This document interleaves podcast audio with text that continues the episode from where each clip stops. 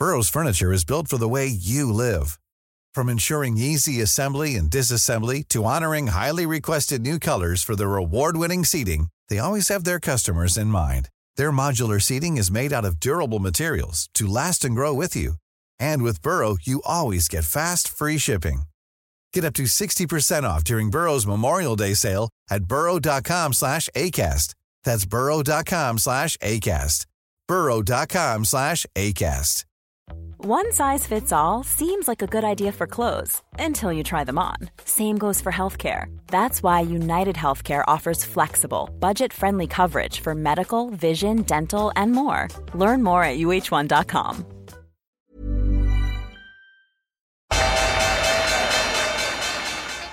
They mistook leverage for genius. Leverage for genius. I would recommend you, Japan. The governments don't rule the world. Goldman Sachs rules the world. Velkommen til en ny episode av podkasten 'Tid er penger', en podkast med Peter Warren. Vi er på episode 114, og eh, vi føler litt sommeren her nå.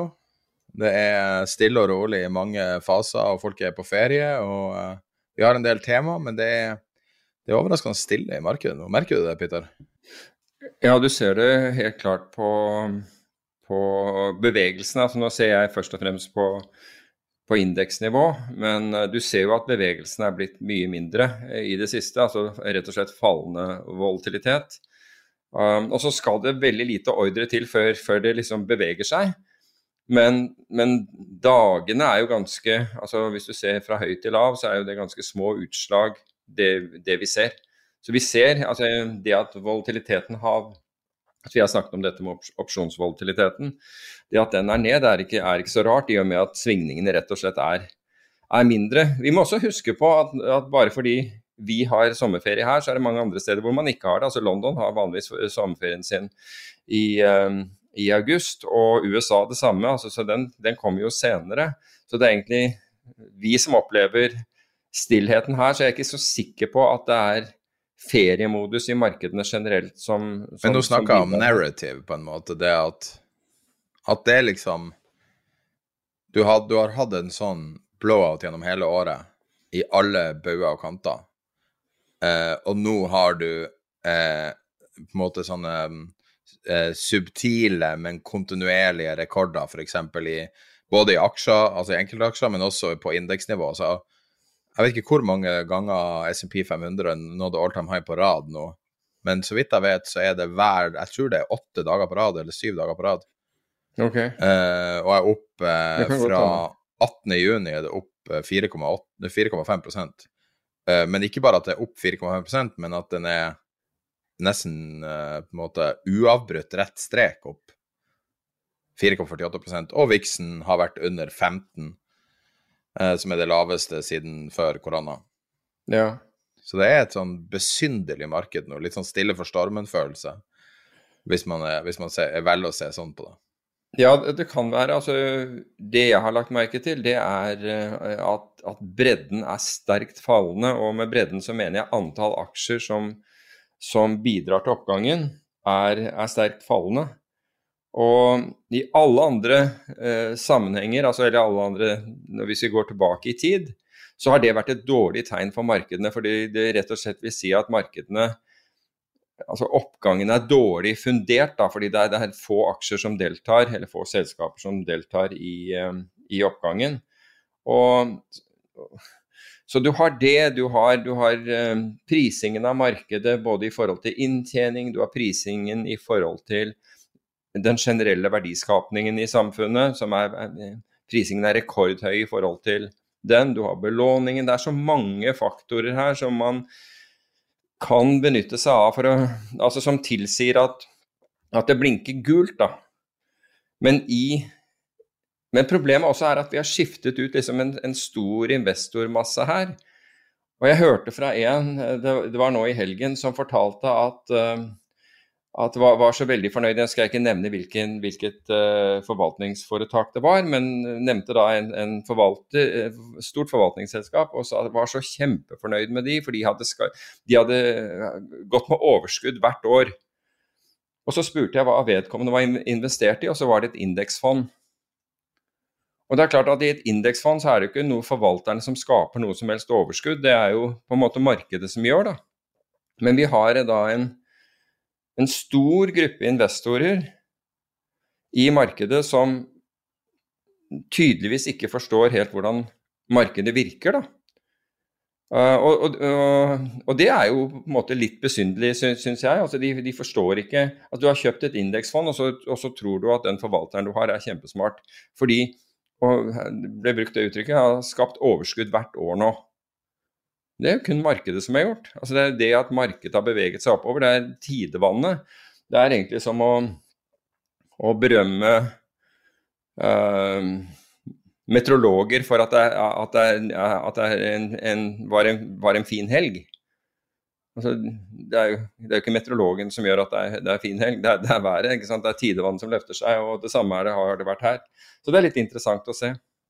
Men det er jo også altså, det er jo, eh, Jeg har sittet og sett litt på, på, lengre charts for å prøve liksom å forstå på en måte det her evinnelige trykket og den vanvittige, vanvittige eh, velstandsskapinga som gjøres i samfunnet nå. Eh, det som er på rad 98 på regnearket vårt, som eh, det her, alle chartene sendes ut i nyhetsbrevet som går ut sammen med episoden.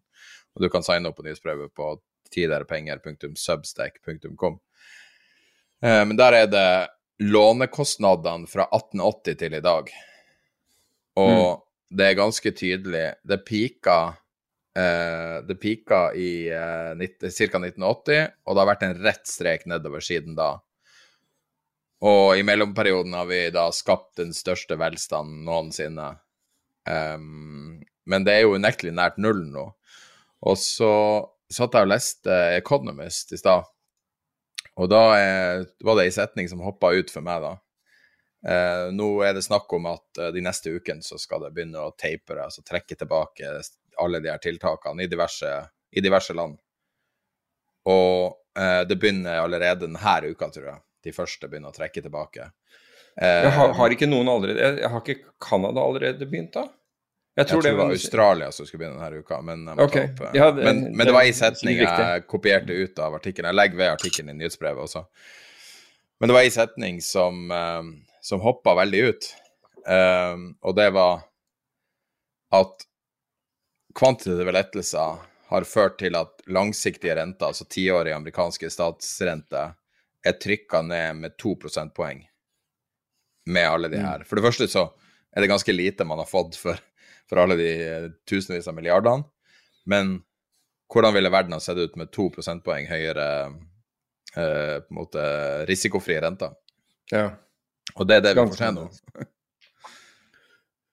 Ja, det skal bli eh, Det er klart at det skal bli spennende å se. Um, uh, og, og, det er som du sier, altså renten har da falt siden 80, altså tidlig på 80-tallet, og det har gjort at, at når renten faller, så, så stiger verdien av, av, av, statsobligasjoner. Så det har jo vært en fantastisk reise for de som har sittet med, med store obligasjonsporteføljer også.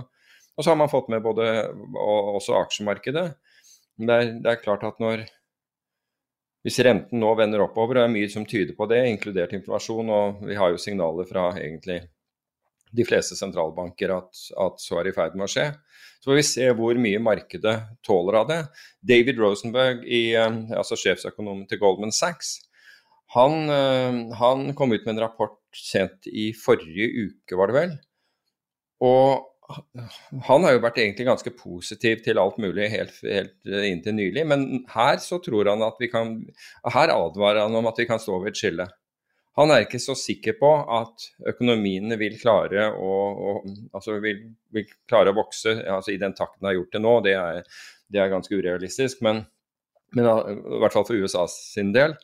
Men at, det, at, man vil klare å, å, vokse, og markedene vil klare å, å holde seg. Så han, han var tydeligvis for en gangs skyld blitt, uh, blitt forsiktig.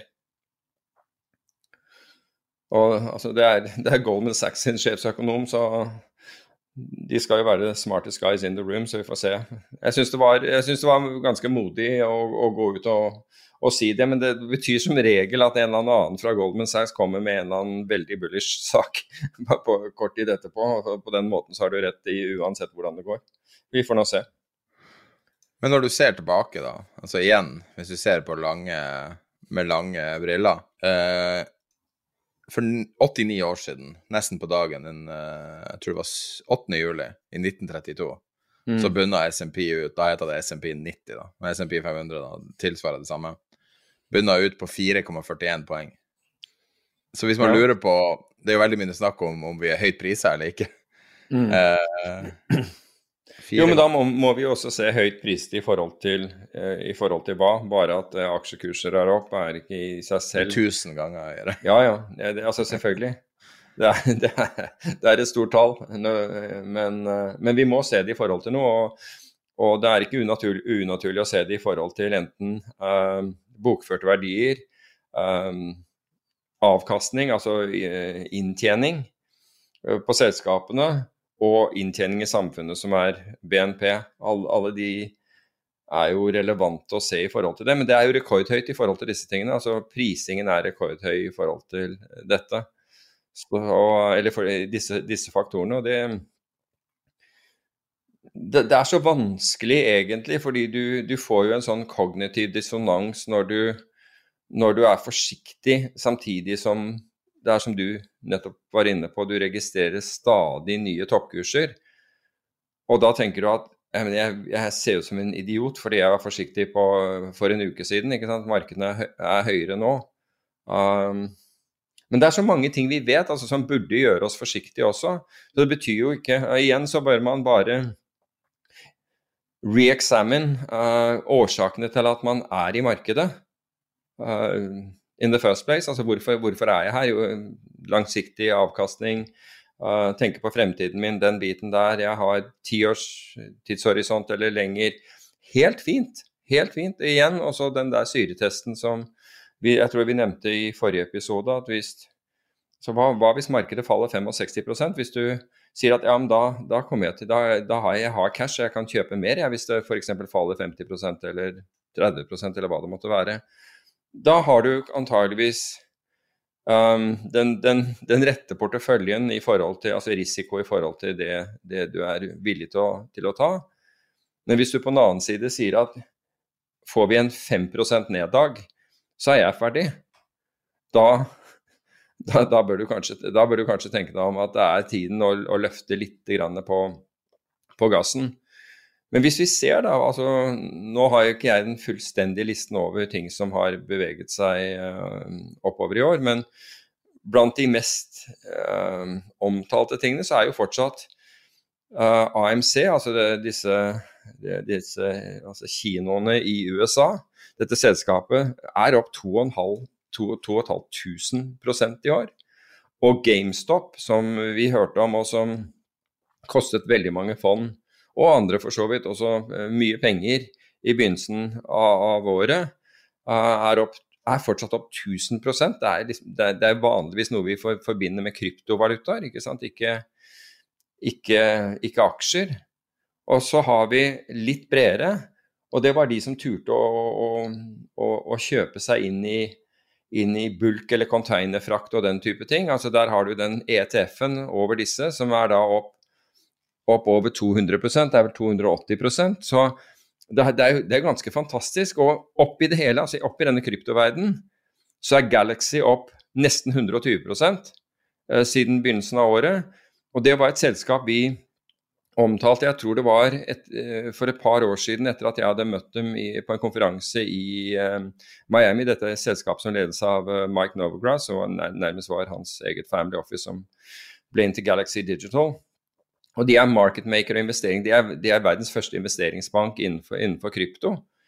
Og de satt da, da jeg nevnte dem og hadde møte med dem, så hadde de da bitcoin for mer enn en, en det selskapet var verdsatt til på børs. Så, satt, altså du, kan, så du kjøpte de under bokført verdi, altså under det de hadde gått under bokført verdi. Og i år så er de opp 120 De steg jo øh, kraftig i, i fjor også, bare så det er sagt. men de har da ikke blitt rammet på tilsvarende måte av Og, og de gjør ting hele tiden. Altså de, de, de, de, driver marketmaking, de driver utlån av krypto. De, eh, de investerer i blockchain-selskaper. De, de, har mange ben å stå på innenfor denne kryptosfæren. Så, så, og ikke bare det der at vi er en handelsplattform som kanskje skal tjene penger om, om åtte år frem i tid. Um, så det er mye mer enn det. Plager det deg, du som er uh, pro krypto, altså du generelt mm. er po positivt innstilt, tenker at det kan være noe langsiktig og langvarig. Plager det deg at alle produkter virker å være, eller ikke alle, men majoriteten av produkter virker å være, fokuser, virker å være fokusert på mer trading? F.eks. hvis du ser på det segmentet som kalles DeFi, altså desentralisert finans, ja. som er kanskje det som i hvert fall sånn, Jeg tenker på volum som jeg får inn av inngående på en måte informasjon, så virker det som at Defi er det som har erstatta mye av de andre temaene i krypto. Men så vidt jeg kan se det, så er det bare mer spekulering. Det er mer altså det er liksom om det er betting, eller om det er prediction trading, eller om det er eh, å låne ut for å, det de kaller yield farming, og alle de her tingene ja. der som, som, er bare en annen form for spekulering. Er, det et problem for krypto at det, det som krypto til syvende og sist fungerer best til, er spekulering? Nei, altså jeg, jeg tror at altså nivået av spekulasjon ble et problem tidligere i år. Um, både i aksjemarkedet, altså det så vi jo på GameStop og AMC og, og, andre, men også i krypto, hvor du ser folk raser inn. De, altså de kommer inn, og det blir mer og mer spekulativ narrativ da, rundt, rundt krypto. Og jeg nevnte jo for deg også når jeg begynte å ta, ta, ta hva heter det nå, skjetonger av bordet, er det det heter? Nei, det heter ikke det. Brikke. Og, og, det var rett og slett altså Jeg hadde ikke noe formening om at det skulle være i nærheten av, av toppen for krypto så langt. Men det var bare det mania, altså den derre den, den, den altså det, det, du, det, du, leste hele tiden, pumpe ut nye selskaper. Hvis du hadde krypto med i, uh, i selskapsnavnet eller sa du drev noe som helst med det, så, du, så steg uh, uh, verdien av selskapet dramatisk på børs, enda de hadde ikke noe annet enn en plan om å gjøre ting. Det, var, var, ble, så, det ble, rett og slett galskap i dette. Og det, var egentlig det. Jeg hadde ingen formening om at at det skulle være en midlertidig topp. Ikke at jeg traff den heller, bare, bare, så det er sagt. Jeg, jeg, så, så, jeg solgte ingenting. Jeg solgte på 53 og, og 58 000, men, og toppen var 64. Men, uh, og, og, og, jeg bare reduserte andelen min. Det, ikke, det, er ikke som om jeg ikke har noe investering her. Men det, det var det som fikk meg til å være forsiktig, fordi alle plutselig skulle ha det. Det ble for, ble for mye. Og da er det ofte at, at risikoen øker kraftig i det. Men hvis du tar Galaxy, som er da veldig bred innenfor dette, innenfor dette spacet, så er, så er, de veldig annerledes. For øvrig så har, um, har Arcane jeg, jeg, fikk tilsendt en, en, en rapport i forbindelse med et eller annet som Arcane hadde skrevet om, om markedet. Så, og de skriver, Det må jeg si, Arcane, altså norske eller er de svenske, jeg er ikke helt sikker. Det er vel kanskje, de er vel registrert på børsen i Stockholm, men de er vel også i Oslo. De er vel norske opprinnelig. Ja, men i hvert fall de, eh, når det gjelder rapporter, så syns jeg de skriver veldig gode rapporter om, eh, om, eh, om, på en måte det markedet. De er veldig gode på det. Um, altså når, når, de skriver om teknisk, altså gjør tekniske analysebetraktninger, det på en måte det er ikke noe som får, får pulsen min til å, til, til å slå. Fordi, men når de skriver rent sånn kunnskap, faktabaserte rapporter om, om markedet, så syns jeg det er veldig bra. De er flinke til det. Det, det skal de ha. De, de, har mye smarte mennesker i jobben der, det, det, er helt klart. Um, men i hvert fall hvis vi går videre, så er det jo så har du olje, ikke sant. Blant, blant, eh, nå finnes det sikkert noen råvarer som, jeg, som, har steget mer enn oljeprisen i år, men i hvert fall oljeprisen er, er opp 44% og nesten 45 da, på, på, på, Brent. Og det var jo noe som alle i utgangspunktet hatet. Altså Du hadde den der kraftige fallet i oljeprisen i fjor, altså hvor amerikansk olje gikk til under null. Um, og så ble sektoren dømt nord og ned, og det var selvfølgelig ikke noe ESG i den sektoren. Altså, alle fant en unnskyldning for hvorfor den sektoren ikke skulle Man aldri skulle satse på den igjen. Det var bare tull. Men så ser du at da den ETF-en som inneholder, altså den som heter XLE, som inneholder oljeselskaper, den er opp nesten 40% i år. Og ExxonMobil er opp 53% Ja, nettopp. Og, eh, også, ja, nettopp. Og Oil Services dømt nord og ned. Vi, vi skulle ikke ha Oil Services, rigger, alt det der. Nei, fysj. Det var helt forferdelig. Opp 33 Så Men jeg vil jo også påpeke at på den andre siden så er det et, et, en flamme Altså, havet brenner nå. Ja, ja, altså, jeg, jeg, jeg er på flere er ikke- tilfeller nå akkurat denne uka, så brenner havet. To Ja. forskjellige separate tilfeller der du ser noe som ser ut som helvete kommer ut av havet. Vet Men det, det du også ser, er jo oljeselskapene gå over til fornybar energi, og, at det er et push i den retning, det er jo det, det, det, er, det bør jo alle som, eh, som, som går på, på denne planeten være ganske fornøyd med. Så det er ikke det jeg sier at, at eh, nei, nå skal vi tilbake igjen og, og pumpe olje eh, for alt det er verdt. Men det er, det er mer enn hvordan markedene er, og hvordan, hvordan man reagerer. Man, man vil ikke ha det når det er billig, man vil ha det når det er, er dyrt. Og Det skal vi også komme tilbake til når det gjelder um, aksjefondtegning, for vi skal i, så vidt innom det. Men hvis jeg kan bare gå litt nedover listen her, så har du da altså, øh, en ETF som, øh, som investerer i selskaper innenfor blockchain. Den er opp 25% i år. Og Hvis du sammenligner det med Oslo Børs, så er det jo vesentlig bedre enn Oslo Børs. Um, og det er så, det er, Dette er selskaper som da skal gjøre eh, som skal tilby altså, eh, tjenester som forbedrer altså Som gjør bruk av, av blockchain, eller forbedrer blockchain, eller gjør ting raskere. Det er opp. Og så har du eh, banker er opp, ikke sant? 24, 24 eh, prosent i år, hvis du tar den eh, ETF-en. Og så har du råvarer generelt, som er opp nesten 19% i år. Så, så du kan si at hvis du hvis du var av de fondene da, som, som er, er multi-asset og har investert da f.eks. i aksjer og i, eh, i råvarer, så skal altså, da gjennom e- råvare-ETF-er, altså som børsnoterte fond, som er å kjøpe som en aksje, så burde du være ikke sant, da, da har du vel en, en avkastning da burde du ha en avkastning på 18-19% i år, og det er jo fantastisk avkastning, egentlig. Um, Oslo Børs, det er, altså, det er jo fantastisk avkastning på Oslo Børs med, med opp 15% i hvert fall i første halvår, da, og, som er litt mer enn en SMP 500 og for så vidt også Nasdaq. Og hvis du går lenger da ned på listen, så ser du på ting som Tesla, som vi skal også komme, komme tilbake igjen, for det er litt, litt spennende. Eller, eller skal jeg ta Tesla mens vi er der? Kjør på. Ja, fordi altså, i forbindelse med Tesla så, så husker sikkert i hvert fall de fleste at det var Først så klarte de ikke å komme med i eh, utvalget av SMP 500-selskaper. Og så endret man reglene fordi, de, fordi Tesla ikke gikk med overskudd. Og så endret man reglene slik at Tesla fikk faktisk bruke de, de- disse CO2-sertifikatene som, som de selger, altså, eller disse carbon credits som de får, at de fikk bruke det som om det var inntjening på selskapet, og dermed så vippet de over streken og kom med i SMP 500. Og når det skjedde, så stiger da Tesla i, i perioden frem til tidspunktet hvor indeksen skal inn, for disse de, fond må da kan ikke kjøpe før den blir inkludert. Altså Hvis du er et indeksfond, så må du da kjøpe når i det øyeblikket den skal eh, inn i indeksen. Men siden det, da, siden Tesla kom inn i SMP 500-indeksen, så har altså hadde den en periode hvor, hvor, hvor kursen steg litt, og så begynte den å falle. Og til nå så har den kostet indeksinvestorer 45 milliarder dollar på det kursfallet som har vært. Um, så, og det er etter min oppfatning det er ganske betydelig.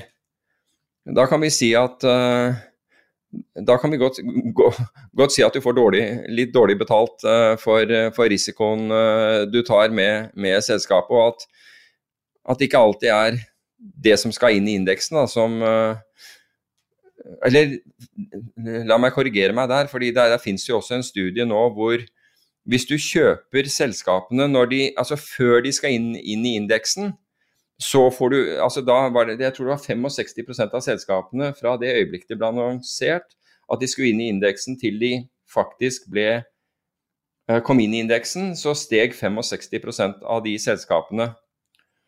Og eh, på samme måte så De selskapene som da eh, man fortalte at skulle Eller hvor man eh, Som da måtte tas ut av indeksen, for når, når én kommer inn, så vil et annet selskap eh, gå ut av indeksen.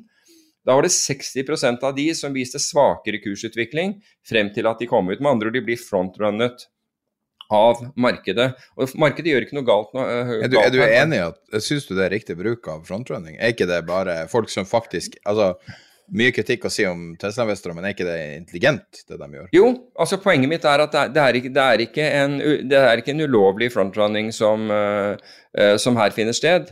Det, det, er, det er poenget mitt. Altså dette er frontrunning fordi markedene Eller fordi, fordi øhm, Om du vil lovverket eller ikke lovverket, men reglene er slik at de må, øh, må, øh, må gi beskjed. Så lovverket er slik, slik at det skal være en viss grad av øh, forutsigbarhet for, for fondene, selvfølgelig, og de skal vite hva de må, må kjøpe. Men oppi det hele, da, så er det selskapet som man tok ut av SMP 500-indeksen for å få inn Tesla, det heter Apartment Investment and Management, AIV. Har si, altså Tesla har falt etter at det kom inn i indeksen. Etter at det gikk ut av indeksen, så har det steget 48% Så det er litt interessant. Hva du kalte det? Apartment Investment and Management? Ja, Apartment Investment and Management heter det. AIV er tikkerkoden. Så, så det, det har da steget kraftig etter at det kom inn i indeksen. Ja, det, altså, det er jo opp eh, er, 28% på året, eller noe sånt. Men det, ja, I det motsetning kan være. til Tesla. Ja. Men det, det man ser, det er jo, som jeg sa, at 65 av, av, av selskapene når, når, når det annonseres at de skal inn i indeksen, de stiger, og 60% av de som skal ut, eh, faller. Men deretter, etter at indeksen er over de neste, da etter tolv måneder senere, så flipper det rundt. Da, da ser du det motsatte i, i disse selskapene. Så, og det er jo litt av det eh, Tesla har sett nå, da, med, med 45 milliarder dollar borte for investorer siden, siden eh, de kom inn i indeksen. Så det, har blitt, det er en kostbar sak, det der, da. Men altså, Men så- med historiebøkene så er det jo en av de rareste kursbevegelsene man noensinne har sett. Der du Ja, har, mange- mange altså har. Verdsettelsen av Tesla er jo helt ekstrem, altså det på alle, med alle parametrene. Og OK, det har falt tilbake, men det er jo fortsatt, med alle tradisjonelle mål, en ekstremt overvurdert aksje. Ja, ja. For all del. Altså, og dette var vi inne på også for en stund siden, at, eh, at Tesla er jo en religion. og Man skal være forsiktig med å shorte religioner, i hvert fall. Og Jim gjøre Chanos som sa det, var det ikke det? Hva sier du? Var ikke det Jim Chanos som sa det? Nei, det, uh, Don't short nei, a cult, eller noe sånt. nei, det var ikke Chanos, det var um, Paul Singer, tror jeg sa det. It's difficult to short a cult, tror jeg. Ja, ok. Men, eh, men eh, Paul Singer, som for øvrig er short eh, Tesla Nei, altså, Steve Iceman var det. Hva da som sa det med religion? Det er kult. Den er er Å ja, akkurat. akkurat. Så, men ellers, da. Så, altså Folk skulle jo kjøpe gull for enhver pris det, ved, ved begynnelsen av året, spesielt med inflasjon. og Gull er ned 6% i år. Så det er ikke så bra, det heller. Og statsobligasjoner de har, vet vi har, har, har falt som følge av at, at renten har, har steget. Altså på, på obligasjoner, nå snakker jeg om amerikanske, men det gjelder jo også for norske. Og hvis du da satt med den ETF-en for statsobligasjoner, så er, amerikanske statsobligasjoner, så er du ned 8,6% i år. Så mye har endret seg. Beklager, er- du hører, du hører kanskje skipshorn i bakgrunnen igjen. Sier det enten musikk, eller så er det sånn uh, isbil. Ja. Det er tre støt, betyr at de bakker. Eh, men, eh, så, så det er det som på en måte har skjedd eh, i år. Men, men alt i alt da, så må du jo si at fra, fra aksjeinvestor, og for så vidt også en råvareinvestors eh, ståsted, så har jo dette vært et fantastisk eh, halvår. Altså det første halvåret har jo vært helt, helt fantastisk. Ja. Um, så, og, og det bringer jo oss litt inn på det med, med tegning i aksjefond, som også har uh, hvor en rapport ny, nylig er ute. Og det at man har tegnet seg for mer i år, i første halvår i år, enn det, og nå snakker vi om, om amerikanske, enn det har vært gjort i de siste to tiårene. Altså vi, på det første halvåret i år har man tegnet seg for mer i aksjefond enn det har blitt gjort over de siste to tiårene. Hva er Og det er voldsomt. Hva sier du? Hva er tallet på det? Ja, jeg, jeg lurer på om vi har det på en av disse grafene. Ja, fordi at jeg har equity inflow eh, på, i første halvår. Der jeg vil tro at en betydelig del av det er gjennom fond. Og den er på tett på 600 milliarder dollar. Og Ja. eh, hvis du sammenligner f.eks. hele eh, hele 2020, så var det syv Altså nå er det ehm, Annualisert så er det dobbelt av 2020, da. Men, Wow. men du har eh, eh, Ja, nei, det er jo ehm, eh, Jeg gjorde en liten feil her. Eh, det var ikke dobbelt så mye som fjoråret. Det er dobbelt så mye som de siste 20 årene til sammen. Ja, det var det jeg sa. Ja, det var det jeg sa. De siste to tiårene. Å ja, herregud. Jeg fikk, ikke, jeg fikk ikke med meg det, for det var så outrageous. Jeg legger med den grafen over inflowen uh, i uh, nyhetsbrevet som går ut. Tid er penger. Mm. punktum snapsack, punktum com. Ehm, og, men en av de store driverne der er jo opsjoner, da. Det virker jo å være altså, tail wagging the dog, så, som du skrev på, på Facebook. Så til de grader. Ja, på, på en eller annen måte. Altså det du ser, er jo at de aksjene, og det er den, den eh, korte, korte bloggen, om du vil, jeg, eh, jeg, jeg skrev der på, på Tid er penger eh, Facebook-side, så ser du at de aksjene som, hvor det er opsjoner, eh, har en mye bedre utvikling enn aksjer uten opsjoner, eller der hvor det aktivt handles opsjoner. Og da er det jo et spørsmål om det er Jeg tror spesifikt var high options volume som var ja, nettopp. ikke sant? Altså at du, at du har høyt, høyt volum altså med, med opsjoner. Og deler tror jeg nok er at at, eh, at det- blir litt som halen logrer hunden, fordi hvis folk begynner å kjøpe uh, out of the money-opsjoner, altså hvis de begynner å kjøpe opsjoner, eh, i dette tilfellet kjøpsopsjoner med innløsningskurs uh, en god del høyere enn der hvor markedet er nå, så kan de tvinge da dealere, altså med andre ord de marketmakere og andre som, som selger disse her, til å måtte altså de, de Umiddelbart så enten kjøper du som marketmaker, enten kjøper du aksjen eh, i den deltaen, altså det, i den Altså hvis du har en opsjon som f.eks. er eh, 20 kroner over markedet, bare for å, å si det, og ikke bli for matematisk her, så har den ifølge det, den uh, opsjonsteori og den matematikken som legges til grunn for det, som er noe som kalles uh, lognormal fordeling, en mindre enn 50% sannsynlighet for at den blir verdt noe. La oss si at den opsjonen vi snakker om nå, er at det er en 25 eh, sannsynlighet for at den blir verdt noe. En, en opsjon har, hvor du har retten til å kjøpe eh, aksjen eller aksjemarkedet i dag, vil ha 50% stort sett uh, røftlig 50 sans sannsynlighet, for du vet ikke om, om den vil gå opp eller ned. Vi vet ikke det. Eh, og glem dette med, med, med trend og, og sånt, for det er ikke så viktig i dette her. Men, men den vil da ha en mindre sannsynlighet. Og det betyr at hvis jeg, hvis jeg selger 100 000 aksjer, eller unnskyld, opsjoner på 100 000 aksjer på, via denne opsjonen, da, eller en opsjon som gir deg retten til å kjøpe 100 000 aksjer av meg 20, 20 dollar eller noe sånt over kursen som er i øyeblikket, så kjøper jeg som marketmaker 25 000 aksjer for å dekke den risikoen. Da er jeg det vi kaller delta-nøytral. Da er boken min nøytral. Um, problemet er at hvis aksjen omtrent går i en rett linje oppover, så vil jo den ha større og større sannsynlighet for at den skal bli verdt noe ved, ved forfall. Og jeg må da kjøpe flere og flere aksjer for å dekke denne risikoen. Så hvis den da går til Altså hvis aksjekursen stiger 20, altså så, så aksjekursen er lik det innløsningskursen på opsjoner, så, så vil det være 50% sannsynlighet. Så da må jeg altså innen jeg kommer dit, så må jeg ha 25 000 aksjer til for å være det vi kaller delta-nøytral. Og hvis den stiger enda mer, så øker den sannsynligheten. Og det kortere tid igjen, så øker også den sannsynligheten. Så la oss si at den stiger 20 kroner til, da, og det er like ved forfall, da er det veldig stor sjanse for at den opsjonen kommer til å være noe verdt. Og på det tidspunktet skal jeg levere 100 000 aksjer, så jeg, så jeg er da nødt til å, å fortsette å kjøpe meg opp.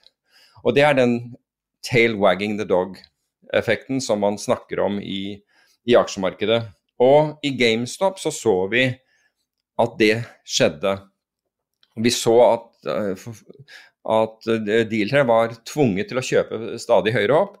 Men når du først har hatt en del sånne ting som GameStop og for så vidt AMC og, og noen andre, så vil da marketmakerne Og husk på dette gjøres gjennom, uh, gjennom uh, programvare, altså algoritmer. Heller se etter andre opsjoner som de kan kjøpe for å dekke, for at man ikke skal få denne effekten hvor du må stadig kjøpe mer det, det mer det stiger, men at du kanskje har opsjoner som, som overtar slik, slik at, den, at, du får ikke den lineære effekten mot deg. Um, så markedet blir smartere. altså Du, du får en sånn en som GameStop og, og, kanskje noen andre i eh, det vi kaller i trynet. Men deretter så, så blir man fort smartere, fordi det, det, koster penger. Og da begynner man å opptre på, på en annen måte. Med, enten ved at du hever prisen på de opsjonene som er langt ut av pengene. Det, det gjøres nok ganske fort. Um, slik at de som da ønsker de, må, må, betale forholdsvis mye mer for dem. Og da vil jo tapet til en marketmaker bli, bli, bli mindre hvis de først taper på det. Eller at du, du, da ser etter andre opsjoner som kan dekke, dekke denne risken. Så over tid så normaliseres dette. Men, er det det her som kalles gammaskvis, eller er det en annen Ja, det, nei, det er gammaskvis. Det er hvis jeg ikke har gjort noe med det, og den aksjen bare suser rett og slett opp. Og jeg vet altså Jeg tror jeg har fortalt denne historien før, fordi uh, eh, JP Morgan, før de ble JP Morgan Chase, var veldig aktive uh, bl.a. I, uh, i skandinaviske valutaer og valutaopsjoner. Men de var gjerne drevet av at de gjorde um, Siden de var store i, i aksjemarkedet, altså store på emisjonssiden og store på sånn corporate action-siden, så var det gjerne drevet av f.eks. et oppkjøp eller noe sånt noe og det vi så som marketmakere, det var plutselig så ville, de, ville noen komme inn en dag, og dette fikk du over brokerbokser, og by for, på f.eks. 25 millioner euro. De skulle ha en opsjon som var langt ut av pengene, og som det var bare fem-seks dager igjen til forfall. Det var kort tid, men langt ut av pengene. Og Som marketmaker så var jeg ikke keen på å selge ting jeg fikk veldig lite, eh, lite penger igjen, for det var lite penger og mye risk hvis de, hvis de gikk imot meg. Så du ville så du ville stort sett eh, stille høyhøyt på den. Både kjøper og selger vil du heller stille høyt. Og du visste ikke, når dette kom gjennom broker, så visste du ikke om det var kjøpere eller selgere. Men jeg lærte veldig fort at når jeg da stilte dette her og stilte det høyt, jeg ville synes det var, var, var, en høy pris for det, og umiddelbart så hørte jeg liksom uh, at, at, jeg hadde solgt. ikke sant, Dealen var gjort. Og da fikk du vite hvem som var på den andre siden, fordi Eh, fordi eh, dette er interbankmarkedet, hvor du handler direkte mot motparter. Og så vil jeg høre at JP Morgan London is your name, altså på den andre siden av den handelen. For det første vil jeg få, jeg ville få deltaen, for slik er det i, i, valutamarkedet. At du avtaler en pris, men du får den deltaen. Så hvis deltaen jeg trengte var f.eks. i dette tilfellet 7 millioner euro, eller et eller annet sånt, så vil jeg få 7 millioner euro fra dem i, på basis av den kursen vi var, var gjort. Men jeg ville umiddelbart gå i markedet og kjøpe meg opp. Fordi de hadde så rett. Altså, de visste noe som ikke jeg visste. fordi den eneste gangen de kom inn og gjorde den type handler, så, vi, så visste de noe. Det var helt opplagt. Så da var det bare å, å, prøve å være raskere enn noen annen, fordi du hadde veldig liten tid på deg. fordi Samtidig vil du høre at, at de der, du, jeg, jeg, mistet de 25 millioner euroene. Men så vil du høre at ja, det går totalt 300 eller går 400 millioner euro på den kursen eller noe sånt nå. Og da visste du at her er det noe i gjære, og da var det bare å hive seg på det elektroniske tastaturet og prøve å få dekket dette eh, så fort som mulig. Og det samme skjer for så vidt i eh, Og du viser til da gamma squeeze, og det er det, det, du rett og slett utsettes for da. Det er at eh, det går lineært mot deg. Altså det går rett, rett mot i, i, i, retning av den opsjons innløsningskursen. Og det Altså, du lurer You can fool some of the people some of the time, but not all the people all the time. ikke sant? Og, og når marketmakere har blitt straffet én gang, så blir de smartere. altså Da skjønner de. Og, og hele Wall Street Bet Reddit-greiene var jo egentlig å drive og kjøre uh, aksjer på den måten. Lykkes veldig godt med, med GameStop, og de lykkes med uh, AMC. Men jeg, jeg snakket med en, en elektronisk marketmaker forleden dag, en London-basert en, det er et amerikansk hus. Og han sa deretter skal jeg love deg at det har kostet dem penger. Altså de som drev med det. Og den Ready-carden har, har, har, har, gitt dem gode inntekter siden. For nå, de, nå, vet de hvordan de skal oppdage den atferden. Vi snakket jo litt om det der med alternative data og analysere det osv. Så, uh, så nå vet de, de hva som er tegnene, og nå er de beredt. altså Nå skjønner de hva som skjer når, når de kommer inn. og, det, og det, i, det høres ut som en general eh, på starten av første verdenskrig. ja, men if, ifølge han, ja, altså ifølge han, ifølge han så sa han at uh, Og han sa hvis du, hvis du researcher dette nå, så vil du se at de, dette, de, siden den gangen så har, de, så har, de, gått på smeller på nesten alle aksjer. Ja, absolutt. Så, men, uh, men, det som er mest besynderlig med det som du kaller meme stocks, uh, altså alle de her aksjene som, mm. som popper på starten av året, er jo at flere av dem har holdt seg. Og da inkluderer jeg for så vidt Tesla i den eh, kalkylen. Ja, ja. Og for så vidt bitcoin og alle de her måte, spekulative tingene som, der det er vanskelig å, å, å regne seg fram til verdi. Mm. Og ja, ting har altså- holdt seg betraktelig bra. altså. Ja, altså du må jo si det når eh, den ene er opp over 2000% hittil i år, og den andre er opp over 1000, så kan, jeg ikke, kan jeg ikke gi, deg, eh, gi, deg, galt i det. Altså Selv om um, bitcoin er halvert, så er det fortsatt opp for året? liksom. Ja, men jeg tror også, altså tilbake til det vi, hvor vi begynte, altså dette at eh, Ja, nettopp. Bitcoin er, er tross alt fortsatt opp mer enn en Oslo Børs hittil i år. Og det er rart, for de aller fleste som som jeg har snakket med som, som har investert på, på, på, Oslo Børs, tror at bitcoin er, er, solid ned i år.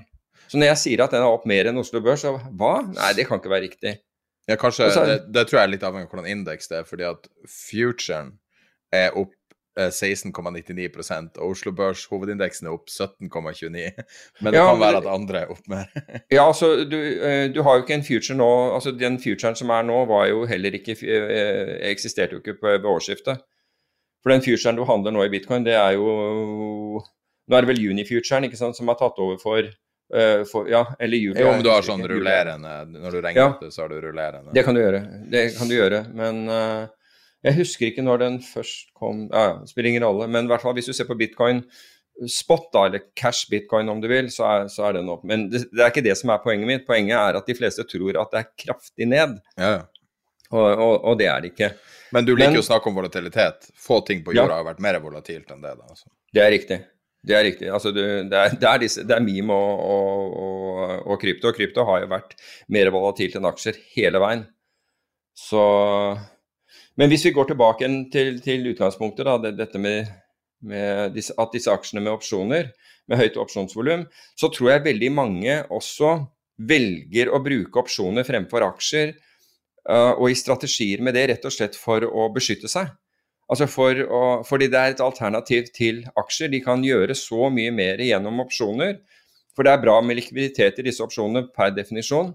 Og da kan de, gjøre, de kan da skreddersy det de mener, og ha en begrenset nedside om, de, om du vil, istedenfor at du F.eks. du gjør call spreads, da hvor du kjøper hvor du, hvor du, altså bare for å, Ikke for å ta mm, noen av de aktuelle aksjene, men hvor du kjøper en opsjon på Eh, på, som gir deg eh, retten til å kjøpe den på, 100, på en aksje på 100, men, men utsteder en opsjon som, som, gir andre retten til å kjøpe den av deg igjen på 120.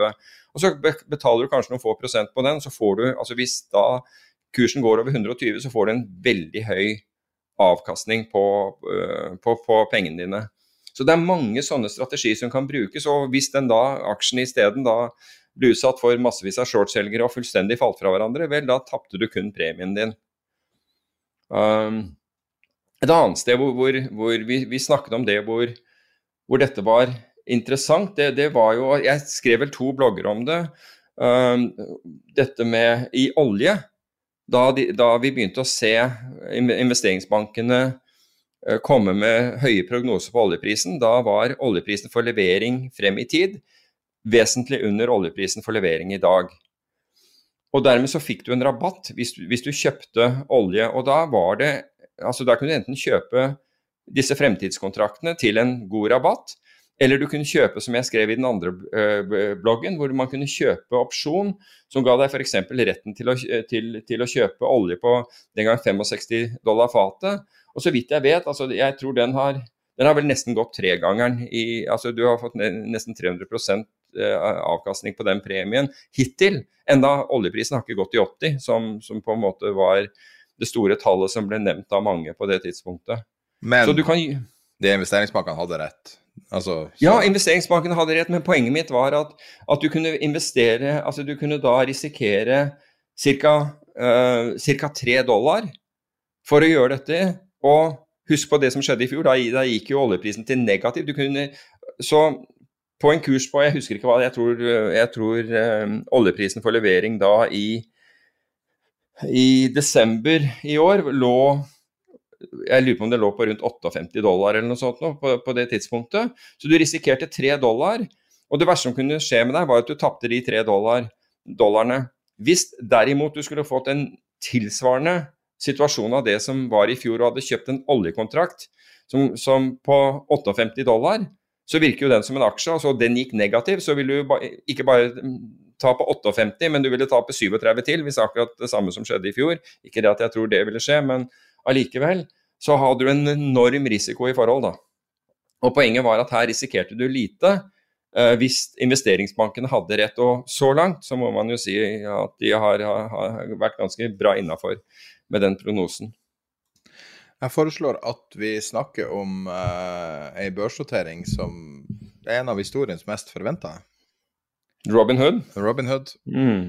Jeg skrev et uh, blogginnlegg nå på fredag, tror jeg det var, når S1-dokumentet ble sendt inn, som er den rapporten de må sende inn for, uh, uh, for ei børsnotering. Og ja. da fikk vi se litt grann som bekrefta en del si, fordommer man har mot Robin Hood, det, mm. det meglerhuset. Det første man kan si, er jo altså generelt prising av selskapet. det er jo, er jo helt måte, absurd i et marked der altså meglerhus generelt bruker jo ikke å være så mye verdt. Um, men uh, du ser jo at de jobber kanskje på litt andre måter enn en gammeldagse meglerhus. Og blant annet sitter de på krypto verdt 11,6 milliarder dollar. Ja, wow. Uh, som en del av en hedging-prosess, fordi at når du kjøper krypto på Robin Hood, så kjøper du ikke det. Du kjøper en slags derivat som er verdt like mye som kryptoen. Eh, de har mm. noen interne løsninger. Uh, og uh, i tillegg så kommer det fram i, i det dokumentet at high frequency-tradere, altså folk som, som gjør marketmaking i ultrahastighet og kjøper handlene fra Robin Hood Nå får du vite nøyaktig hva det er, altså det er ikke bare mer sånn konspiratoriske. Og 27 er Citadel. Eh, Saskohana er 12% altså det er aksje, aksjehandelen. Et selskap som heter Taimo Shan er 11% og noe som heter Wolverine utgjør 91% Wolverine, ja. Mm. ja. Og det mest eh, spesielle her er 81% av inntektene til Robin Hood kommer av salg av flyt. Ja, ak akkurat det. Jeg, jeg, leste, jeg leste den bloggen du, du, skrev på det, og det var nytt for meg at det var liksom 81 Og jeg tenker um, Eller det jeg tenkte umiddelbart da, var at dette er en, en emisjon som alles øyne er på, og, og, og, og, veldig mange har en mening om, om, om Robin Hood. Og så er 81% av inntektene kommer da fra ordre eh, som de selger. Og det vi vet eh, etter den GameStop-saken tidligere i år, hvor Robin Hood måtte suspendere handel i, eh, i aksjen eh, i, i hvert fall en halv, halvt døgn eller et eller annet sånt, om det var et døgn, um, så reagerte jo tilsynsmyndighetene i, i, USA, og siden så har jo Gary Gensler tatt over som sjef for, for SEC, og en av de tingene han skal se på, er nettopp betaling for ordreflow. Nå er ikke jeg negativ til betaling for, for ordreflow uh, i, i, i, prinsipp. Det betyr ikke at det ikke kan gjøres noe galt der. Men, men slik jeg oppfatter han, så, ha, så Altså, de kan finne på å, å forby det. Altså, Storbritannia har jo forbudt, har forbudt uh, betaling for ordreflow. Så USA kan jo finne på å forby det, og hvis så, så forsvinner 81 av av inntektene. Det høres for meg ut som 81% som du ikke klarer å erstatte, altså? ja, altså da må du i tilfelle erstatte det ved at du opererer fra andre eh, domener, da, altså i andre land. Det kan kanskje gjøres, men, Det for meg virker som en enorm risiko i forbindelse med, med, med, med Robin Hood, da. med aksjen eller selskapet. Så ja, altså jeg, jeg, var ekstremt overrasket over, uh, over, uh, over, at det var så mye som, som, stammet derfra. Men det er jo ikke så rart heller, når, når de ikke har kurtasje, og alt baserer seg på, uh, baserer seg på det å selge ordreflyten. Hvorfor ikke jeg er negativ til dette med ordreflyten, det, det er egentlig at, at, så lenge du får en bedre kurs enn det som er i markedet, så, så er det på en måte en vinn-vinn, da. Um, og, men så kan du si hvorfor skal en marketmaker gi en bedre kurs enn det som er i markedet? Og svaret på det er at han, han er én vei. Altså f.eks. Han, er, han er short og har ikke lyst til å, å ta ut høyresiden, altså selgersiden, for da ser alle hva han gjør.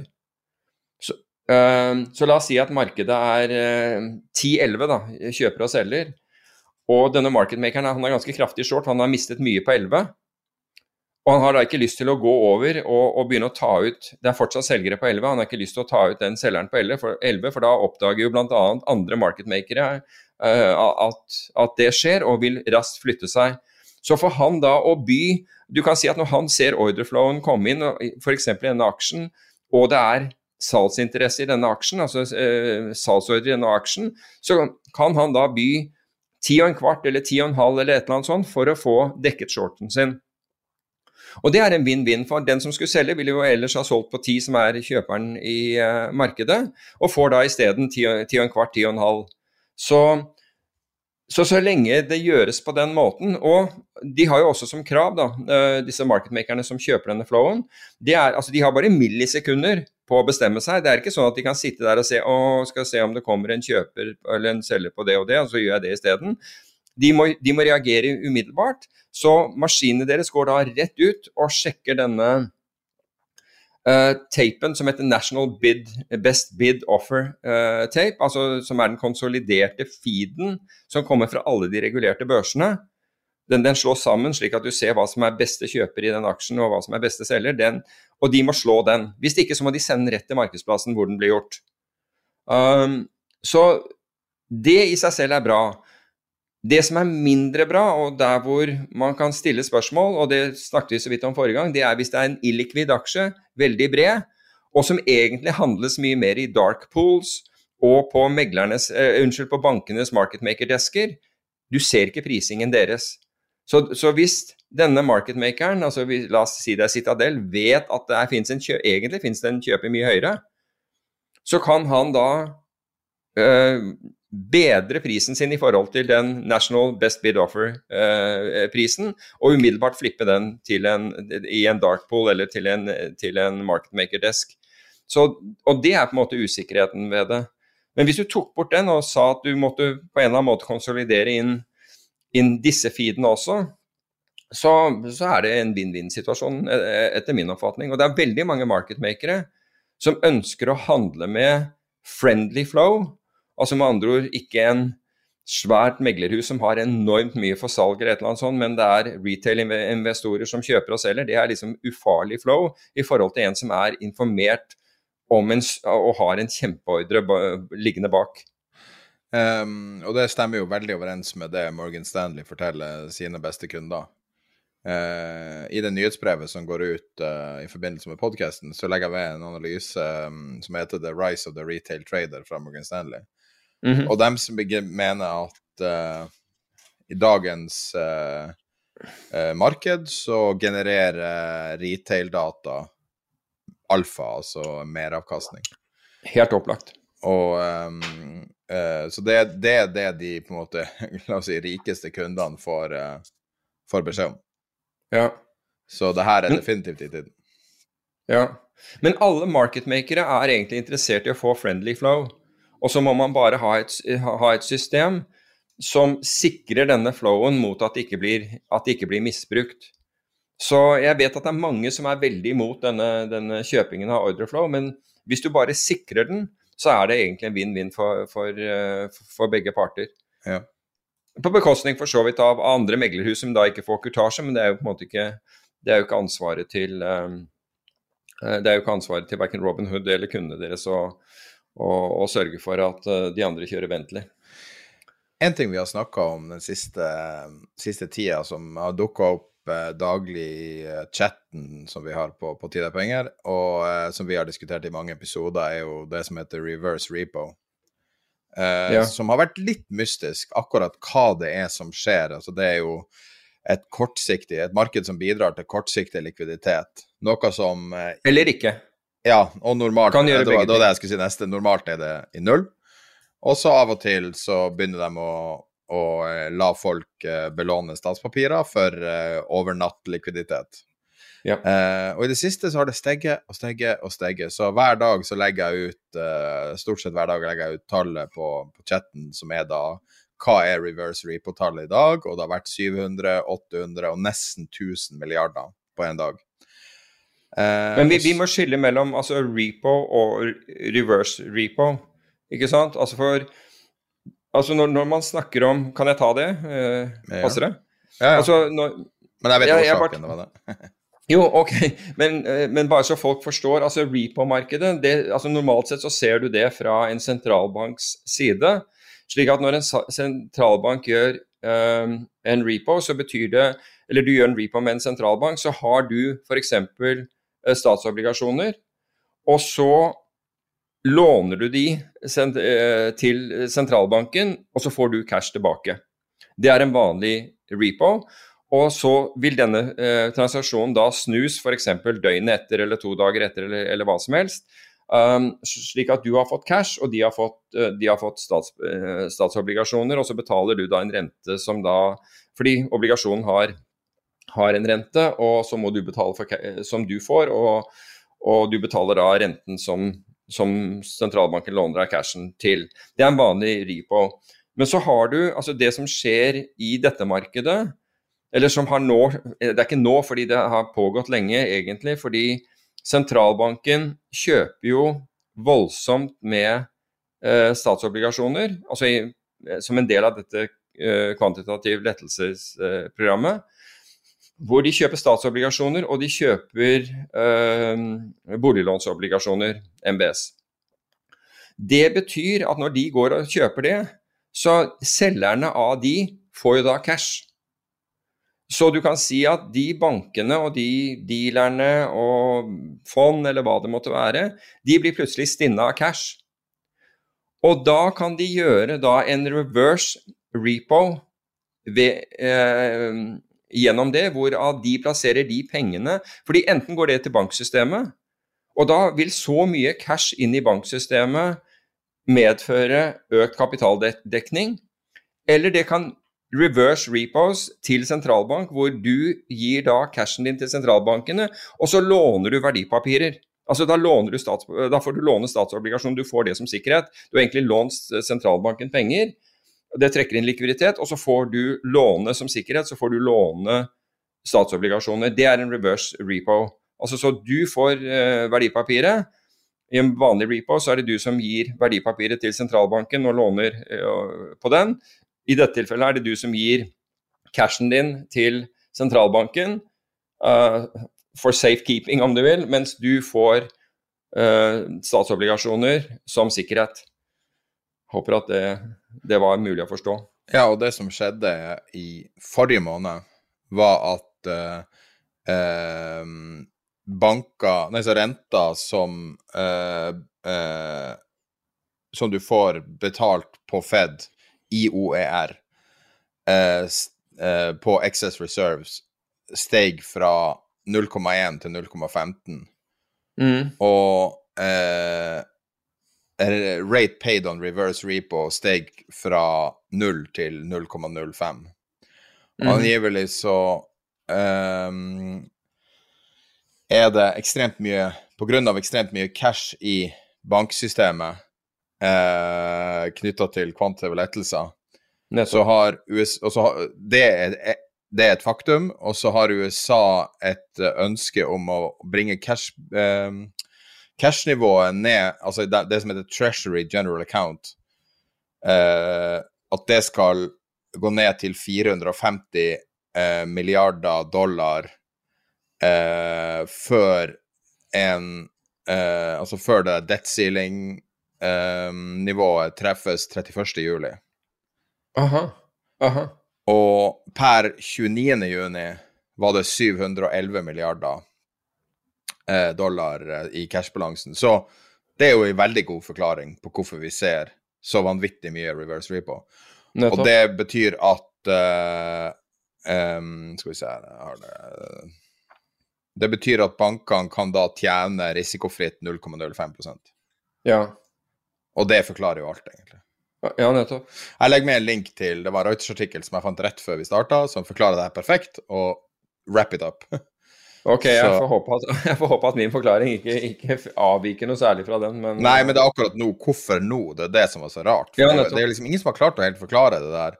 Så jeg tenkte at eh, det var greit, og jeg prøvde å finne liksom ei sånn neat forklaring før vi starta, og så var det det. Så, så, var det. Mm. så det var litt flaks. Uh, men uh, men det, det viser seg at uh, det har jo vært snakk at det her er en teknisk årsak, og det her var jo en aller høyeste grad en teknisk årsak. Mm. Um,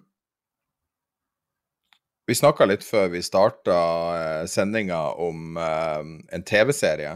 Jeg drev og sleit med å sove nå de siste dagene i varmen. Og så var jeg inne på en Amazon-tjeneste som heter Prime Video. Og så hadde det så Jeg husker ikke at jeg hadde sett det for lenge siden, men det er en TV-serie som heter Looming Tower. Men du hadde lest boka også, hadde du ikke det? Jo, jeg leste boken i 2008, faktisk. Den er veldig bra.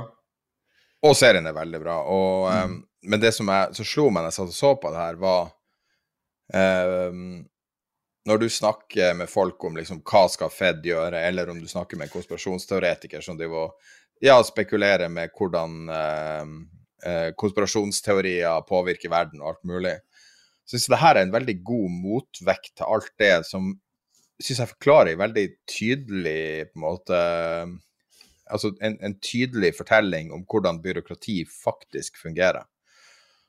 Og historien her handler om at de prøver å eh, Flere forskjellige parter i FBI og CIA forsøker å ta Osam bin Laden fra 1998. Prøver å forske på han, prøve å forstå han. Ja, de gjorde Og- jo fra enda før det, men, men jeg, jeg lurer på om Hvis jeg ikke tar feil, så begynner vel den der boken med det møtet, det Al Qaida-møtet i Kuala Lumpur. Altså Ja. Den begynner ikke med det, for den, den, den begynner jo egentlig med en historie fra, fra, fra Midtøsten. Og en, en som blir arrestert og, og ender opp med å bli, bli henrettet. I, i Midtøsten, for han vil ikke, han vil ikke eh, forandre, eh, forandre eh, syn. Han, han het vel Kutub eller noe, sånt, og det uttaler jeg helt sikkert feil. Men uh, Ja, det er nok noen fire bokstavers ord med starter på Q. Q Ja, nettopp, og- ja, Q, Kut, eh, men i hvert fall hele historien begynner jo egentlig med den. Og, og Looming Tower, i hvert fall boken Nå har ikke jeg sett, eh, ikke jeg sett dette, denne TV-serien, men boken er jo hele forløpet, eller nesten hele forløpet, til uh, 9-11. Ja. om alt det, det, det som skjer, og uh, ikke minst etterretningssvikten uh, som lar dette skje til tross for at uh, CIA har da fulgt uh, Egentlig så har de, jo, har de jo fulgt bin Laden lenge før, um, før 98, fordi jeg, jeg nevnte vel i en podkast at de, de fulgte han i var det i Khartoum eller noe sånt noe, i Sudan. Når han, når han var der, så var han allerede aktuell uh, for dem der. Så, men dette møtet i, uh, i Kuala Lumpur tror jeg at man, man lyttet på det møtet, og ut fra det møtet så, eller, så, så fikk man da eh, sterke indikasjoner om et anslag som skulle gjøres i, i USA. Og hvis jeg husker du, Nå husker jo du, i og med at jeg leste den her i 98, og du har akkurat sett TV-serien, så, så, så mener jeg at den, den ble tatt fra forskjellige vinkler. altså hva, hva bl.a. FBI her, altså USA har 16 forskjellige etterretningsorganisasjoner, så man må forstå at dette er komplekst i USA. Det er derfor de har en sånn National Security Coordinator i, i Det hvite hus, eh, som var Richard Clark på det, på det tidspunktet, som jeg hadde glede av å, av, av å, å treffe en gang. Eh, Det var etter, eh, godt etter 9-11, men det var Han er vel Virkelig. eh, en av de mest best rykta av alle som har vært involvert med Hvite hus, kanskje noen gang. Han var eh, National Security Coordinator, altså han var i Det hvite hus under tre presidenter. Han var under begge Bushene og, og, og Clinton.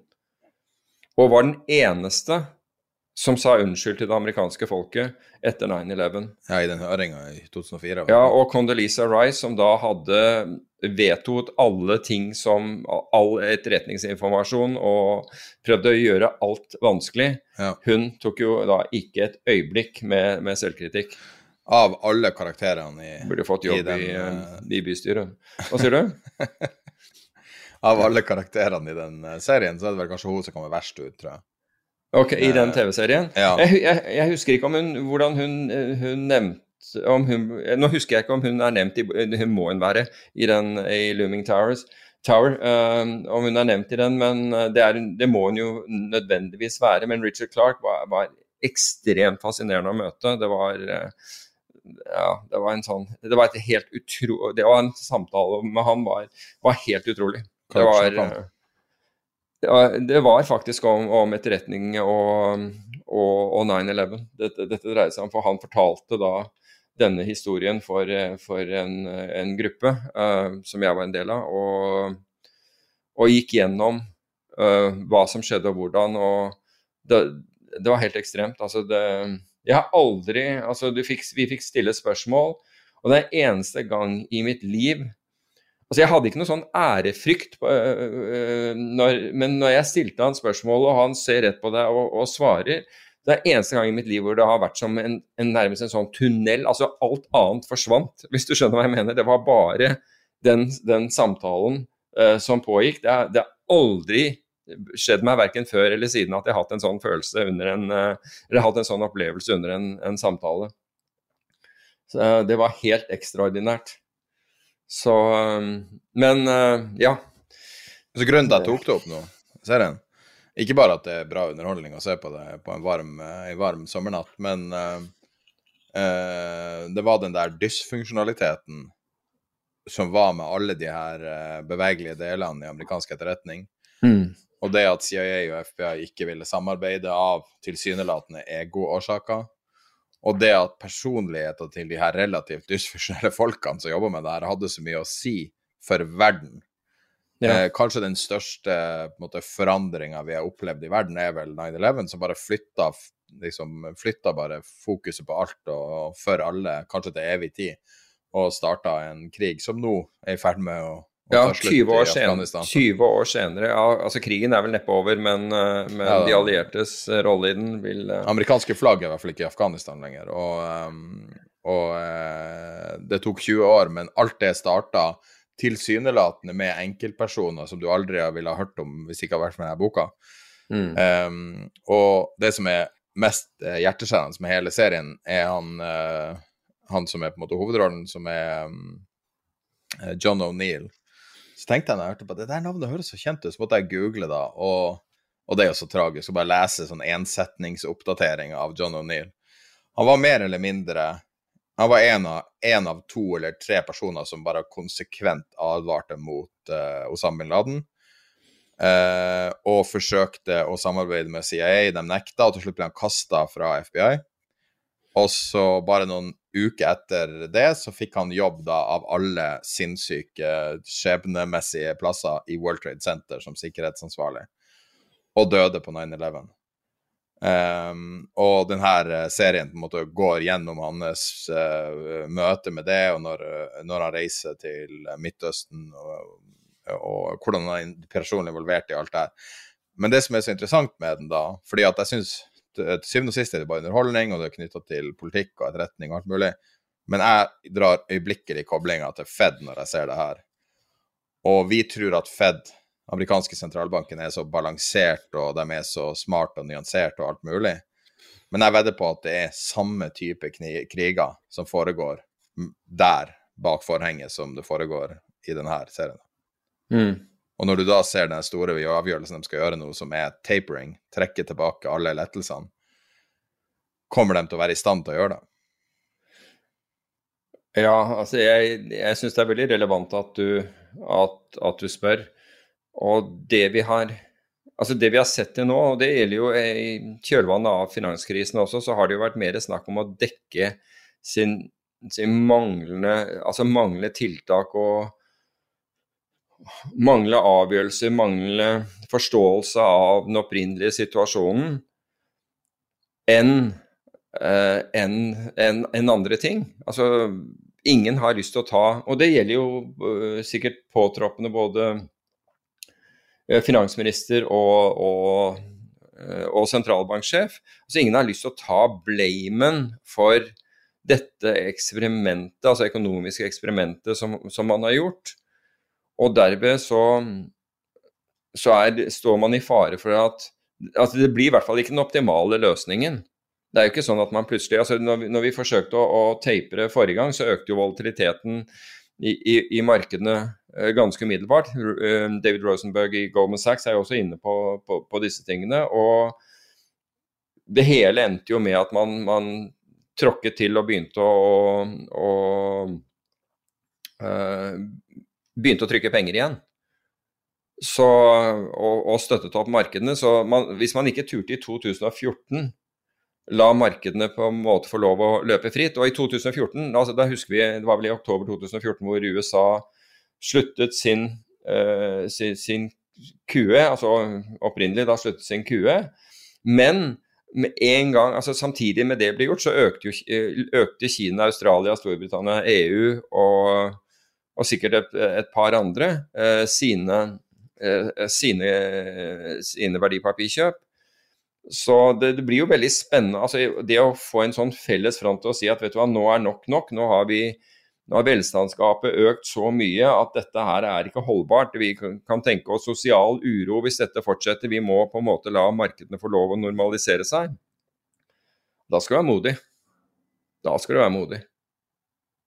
Um, og fordi den som, den som, da gjør det, får skylden. Altså hvis Powell gjør det, hva tror du liksom effekten vil være jo at man, så fort noe sånt skjer, så gir man jo han skylden for å ha gjort tiltaket. Det er ikke han som har satt uh, verden i den situasjonen der, han har liksom overtatt den.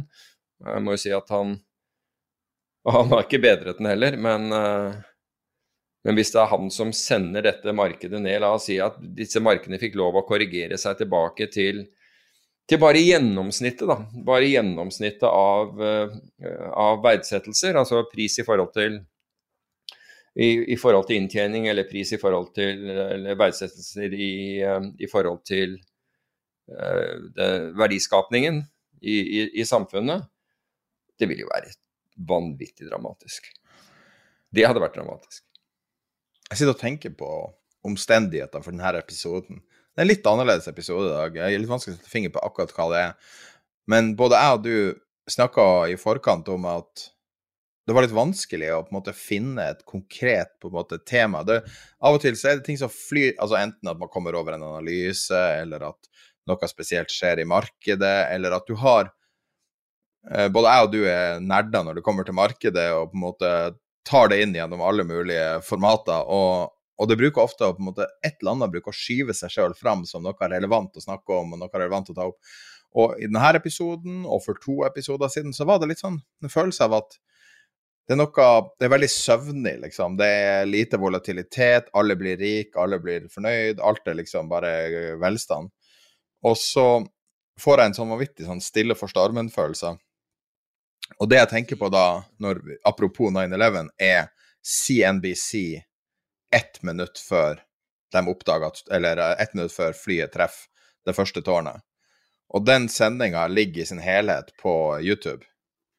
Uh -huh. uh, jeg blir å legge med den sendinga, og den er virkelig Og den, den, er spesielt verdt å se hvis du ikke var voksen.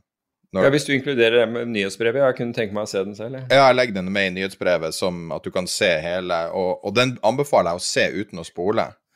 Eh, for det Eh, jeg husker veldig godt 11.9. Det var min første dag etter å ha flytta fra min hjemby.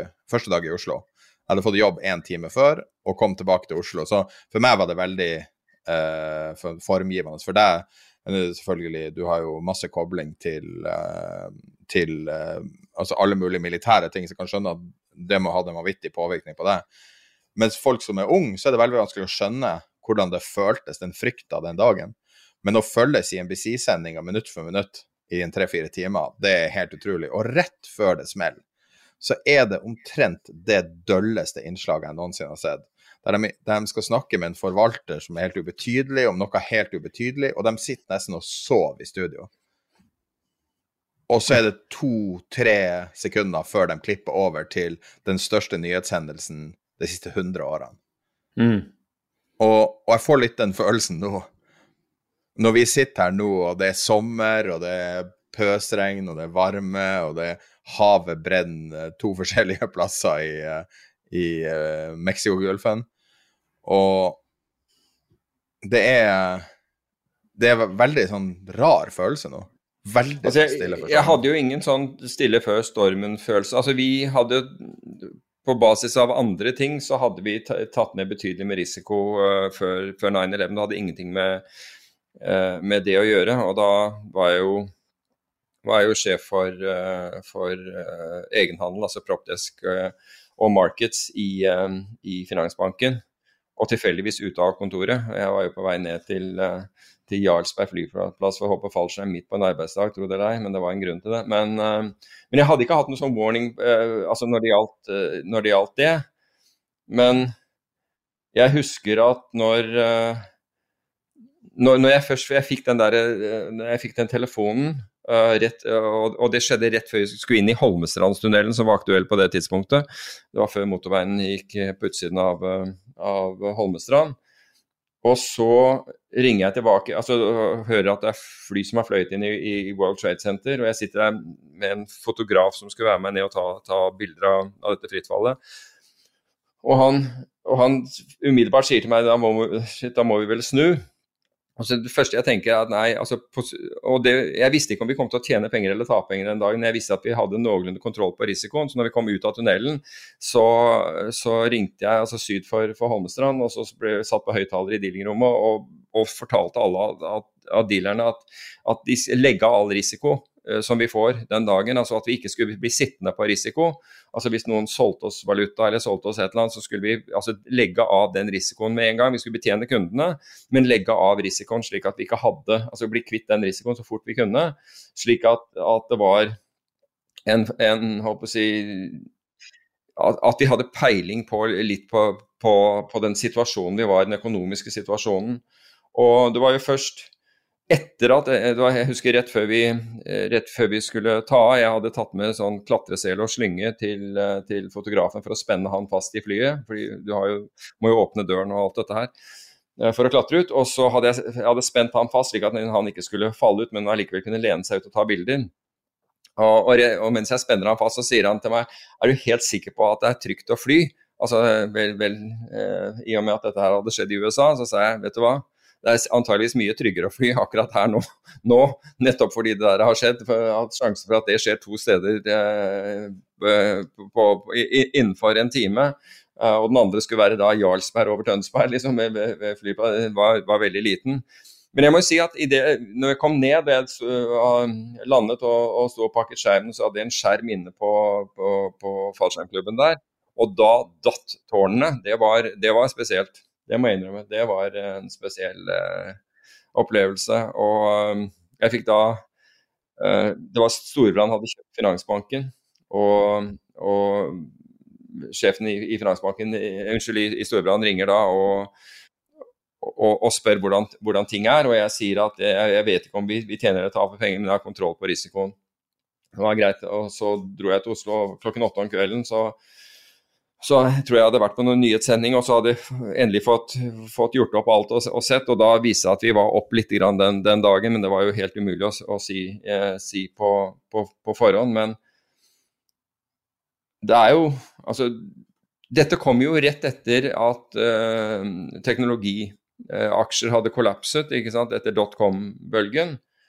Og formidlingen da var, var, jo på en måte at vi var, okay, vi var ok plassert. Vi hadde gitt kundene ok råd, og, og, og, og, den greia så var det ikke nødvendig å bli en del av den, den, panikken. Men samtidig så visste du jo at det du så der, altså det som hadde opplevd den dagen, det var, det var en, på en måte en, en, en hendelse som for, for historiebøkene forever. Så det var en rar følelse. Men det er det å prøve å få tak i få tak i deg selv under en sånn, fordi børser ble jo stengt. Man, man, man suspenderte jo handelen i USA. Så det var jo mange ting man måtte ta hensyn til. Og, at, og mange fikk jo helt noia fordi de ble sittende fast i posisjoner og tenkte at å gud, liksom, sånn, nå, jeg kommer aldri ut. Og jeg kommer til å tape alt jeg har osv. Så, videre. så det var jo, det var jo på, på mange nivåer. Uh, I hvert fall når du, når du, sitter i bank, da er det mange, mange hensyn å, å, ta, mange du skal, du skal snakke med. Så, så, det var en veldig spesiell situasjon. Jeg har ikke den, der, har ikke den looming følelsen, apropos looming towers, uh, nå når det gjelder markedene, men det vet jeg ikke om er et godt tegn eller ikke. Det er jo veldig mange ting som, som, som påpeker eller, eller, eh, som påpeker fare her, altså potensiell fare. Um, men samtidig så må man jo bare, som man gjør i alle tilfeller, bare for, tenke at hvordan ser porteføljen min ut hvis, hvis noe, noe sånt skjer? Vil det da være en katastrofe for meg, eller altså ikke en 9-11 skjer, men et eller annet annet som sørger for at markedene faller kraftig og mye. Um, og Det er sånne tanker man, man, bør Men det bør jo investor gjøre. Men igjen, hvis du er langsiktig investor, så, så, så sitt der og, og, du er komfortabel med risikoen, og dette vil ikke, vil ikke snu opp ned på familiens økonomi. Hvis, hvis markedene korrigerer, så ta det med ro. Ja, altså, investering er, er, var det noen som satte opp en graf om det. Det er 98% å sitte i ro, ikke sant? 2% å gjøre noe. Ja. Nei, jeg bare Det bare føltes på meg som en ting som var verdt å bringe opp når man plutselig eller randomly trakk inn 11.9. Men nå er det jo ikke mange månedene igjen til 20-årsjubileum heller, så Nei det, nei, det er sant. Men uh, vi er på Altså min før, Jeg satt bare og, mens du snakka, så satt jeg bare og så langt på VIX-grafen bakover og ser at vi ligger på VIX 15 nå. Uh, det er en sånn kompresjon som foregår innenfor uh, innenfor uh, forsikring, innenfor opsjoner og ja, kompresjoner. fra var det, var det på fredag? altså Da var vel Da så, jeg, da så SMP dra oppover, og plutselig gjorde VIX det samme. altså VIX Futuren, altså der hvor man kan sikre seg. Så jeg tenkte ok, det er jo for så vidt litt, litt positivt. at uh, bare fordi, fordi Ellers har det jo vært slik at går aksjemarkedet opp, så går VIX-en ned, for da tror man ikke at det er fare. Men det er kanskje noen som oppfatter at uh, at, å tenke motsatt. Altså det, og det gjør vi jo når det gjelder, eh, når det gjelder gjerne når det gjelder høyde. altså det høyre, Lenger opp du kommer på en stige, det, det, mer er du bekymret for hvis du skulle falle ned, fordi du vil slå deg mer. Men i aksjemarkedet så er det gjerne det motsatte. altså Det høyere opp markedet kommer. og Det ser du jo også på tegningen i aksjefond. Da. Det høyere markedet stiger, det tryggere føler man seg. Og det er ikke, det er ikke, det er ikke intuitivt, altså. Men hvis, si. hvis de starter å tape det nå, er det ikke nå man skal selge? Det er jo, jo en altså, garantert fall. Ja, Jeg vet ikke om det er garantert, uh, men jeg vil jo si at det er, det er, det er store muligheter. Altså, Det jeg føler vil være vil etter all sannsynlighet i hvert fall skje, det er en økt volatilitet. Hvis de gjør det. Men jeg tror at alle altså Min oppfatning, og det kan hende at alle i dette tilfellet har rett, er at sentralbanker ikke tør å la markedene uh, falle. På et eller annet tidspunkt så, så vil ikke sentralbanker ha makt over det. For rett og slett markedene er blitt så store og ubalansene så enorme at de kan ikke ta imot. Det, det, det, hjelper ikke. Men den generelle oppfatningen er jo det der at nei, da, da er, det er ikke et problem for meg, det er et problem for skattebetalerne. Det er de som må støtte opp markedet hvis, hvis jeg begynner å tape penger. Det er jo egentlig det folk sier. Um, om ikke rett ut på den måten. Så Men er, altså det er jo mange ting. Altså sta, Du kan si at alle disse små tegnene vi har hatt opp igjennom, altså i hvert fall uh, siden, siden, covid, altså siden vi fikk den rekylen opp fra covid, det meste som har skjedd altså etter hvert som vi, vi nådde, nådde, de samme høydene og, og, mer, har jo vært at er, markedene er enda mer altså de er mer, de er, de er mer strukket, de, de, er, er, dyrere, altså aksjer er, er, ekstremt høyt priste i forhold til alle disse metrikene vi, vi nettopp har uh, snakket om. Men så sier ja, men det faller jo ikke for det. Og da tror man at da, da kan det ikke falle. Mens andre Uh, mens jeg vet andre som religiøst kjøper altså som har porteføljer som religiøst kjøper salgsopsjoner på dem, selv om de har tapt penger på det nå i noen måneder. Uh, senest en på, på, på, fredag, og han var Og jeg sa at du kan jo rulle den, den salgsopsjonen hadde ha, jeg tror den, ja, den hadde mer enn 30 dager igjen til forfall, eller noe sånt, og så var han redd for for uh, verditapet som følge av tid. Da. Altså De siste 30 dagene så akselererer jo uh, tidsverditapet av en opsjon. Så jeg sier at, at, du kan jo rulle den eventuelt inn i en, i en puttspredd, altså hvor du kjøper en puttopsjon og, og, utsteder en mm, med en innløsningskurs som er lavere enn den du kjøpte. Og han sa ikke tale. Altså når dette sprekker, så sprekker det.